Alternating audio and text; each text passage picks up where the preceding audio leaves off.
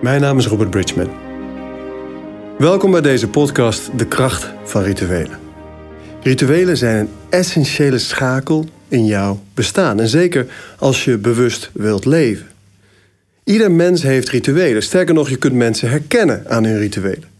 In alle aspecten van hun leven. En je kunt aan iemands lichaam zien wat de rituelen zijn op het gebied van sport en voeding. Je kunt aan iemands relatie zien wat de rituelen zijn. Je kunt aan iemands oogopslag en bewustzijn zien wat de rituelen zijn als het gaat om bijvoorbeeld meditatie. Kortom, die rituelen bepalen voor een heel groot deel wie jij bent als een persoon. Je kunt misschien wel zeggen dat je op een bepaalde manier je rituelen bent. Want datgene wat jij elke dag doet en waar jij gewend aan bent, de manier waarop je dingen doet, zijn bepalend voor de kwaliteit van je bestaan. En als je in een relatie bijvoorbeeld thuiskomt en uh, het eerste wat je zult zeggen, oh ik ben thuis, en het eerste wat je doet is de televisie aan of je computer in, ja, dan kun je wel iets over de kwaliteit van die relatie raden uiteindelijk. Als je gewend bent om um, lekker op de bank te zitten s'avonds en niets te doen en dingen tot je te nemen, ja, dan kun je wel raden hoe de kwaliteit van je lichaam uiteindelijk is. Het is dus belangrijk dat je rituelen in je leven integreert. Die hoef je niet te doen, die moet je niet doen, die mag je doen. De rituelen op het gebied van je fysieke lichaam. En dat betekent uh, trainen, sporten, bewegen, yoga, ademhalingsoefeningen. Rituelen op het gebied van je emotioneel lichaam. En dat betekent uh, een spiegeloefening. Zeggen in de spiegel dat je van jezelf houdt. Hè? Die, die hartsverbinding met jezelf op gang krijgen. Maar ook ja, regelmatig een healer of een coach opzoeken om te werken aan je trauma's en je blokkades. Rituelen in het mentale lichaam. Bijvoorbeeld de supermantra die we kennen binnen de Bridgman-methode.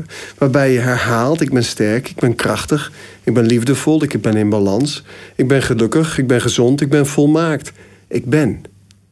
En op die manier, met dat soort rituelen, kun je jezelf op al die lagen ja, versterken. Kun je jezelf op al die lagen optimaliseren. Als je kijkt naar je spirituele lagen, dan is bijvoorbeeld meditatie een hele mooie manier om je aansluiting te vinden. Maar ook elke dag dankbaarheidsoefeningen, waarbij je overgave tot uitdrukking brengt.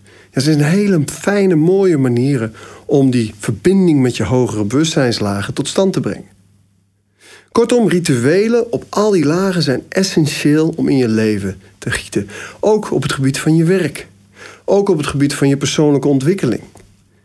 Want wat voor rituelen heb je daarin? Wat lees je? Wat luister je aan podcast? Aan, uh, wat, wat volg je aan webinars en cursussen en trainingen?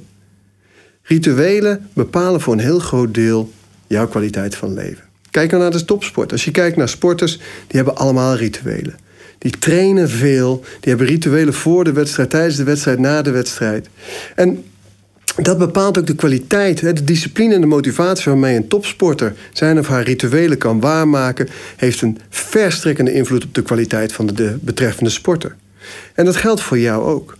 En stel je eens voor een leven waarin je op tijd opstaat, je yoga-oefeningen doet, je ademhalingsoefeningen doet, je meditatie doet. op tijd opstaan, zeg ik. En ehm, misschien wel eerst nog even sport voordat je. Hard loopt of misschien heb je thuis wat gewicht of iets dergelijks. En dan yoga, dan ademhaling, dan meditatie. Vervolgens goed ontbijt en de dag ingaat. En gedurende de dag regelmatig in de spiegel kijkt, tegen jezelf zegt dat je van jezelf houdt, regelmatig zo'n supermantra, affirmaties herhaalt. En aan het eind van de dag nog eens een keer rustig gaat zitten, een meditatie doet en je gewenste leven manifesteren. Hè? Dus je affirmaties en visualisaties doet. Stel dat je dat voor elkaar krijgt. Drie keer per week naar de sportschool. Eén keer per week yoga. Noem maar wat. Gedurende de dag voldoende water drinken. Gezonde voeding. Goed letten op wat je wel en wat je niet eet je alcoholritueel aanpassen. En misschien wat minder drinken. Je koffieritueel aanpassen. En misschien terugbrengen naar wat minder koffie. Stel je voor dat je al die rituelen op een andere manier in je leven zou integreren. Wat zou dat doen met de kwaliteit van je leven? Stel dat je als ritueel zou hebben dat je één keer per week, minimaal één keer per week, de natuur in zou gaan. Wat zou dat doen met de kwaliteit van je leven? Binnen de Bridgman-methode noemen we dit de 13 stappen. 13 stappen voor een gebalanceerd leven. En dat zijn eigenlijk rituelen. Rituelen die je ja, kunt integreren in je bestaan. En zijn niet eens zo moeilijk. Ik, ik, ik, ik, noem er nog eentje helemaal niet in de ochtend. Het koud douchen bijvoorbeeld, of het koud afdouchen. Wat zo'n effect heeft op je welzijn, je vitaliteit, je gezondheid, je immuunstelsel, je cardiovasculair systeem, je stofwisseling. Er zijn rituelen die makkelijk in te passen zijn in een druk bestaan. Dingen die je wel kiest, dingen die je niet kiest. Belangrijk is dat je je bewust bent van wat je wel en niet doet. Het is ook een keuze om rituelen te hebben die ja, je, je niet zo dienen. En als je je daar wel bij voelt en prettig bij voelt, blijf ze dan ook vooral doen. het is ook een keuze om rituelen in je leven te integreren die je wel dienen. En om vandaar te kijken, hey, wat geeft dat mij voor basis? Wat geeft dat mij voor fundament om mijn passie op na te jagen? Want er is geen mens, geen mens die echt grote passies tot uitdrukking weet te brengen, die dromen echt waarheid weet te maken in zijn of haar leven, die dat doet zonder rituelen. Kijk maar eens wat dat voor jou betekent. En kijk maar eens ja, hoe jij die rituelen in jouw leven zou kunnen vormgeven. Dank voor je aandacht.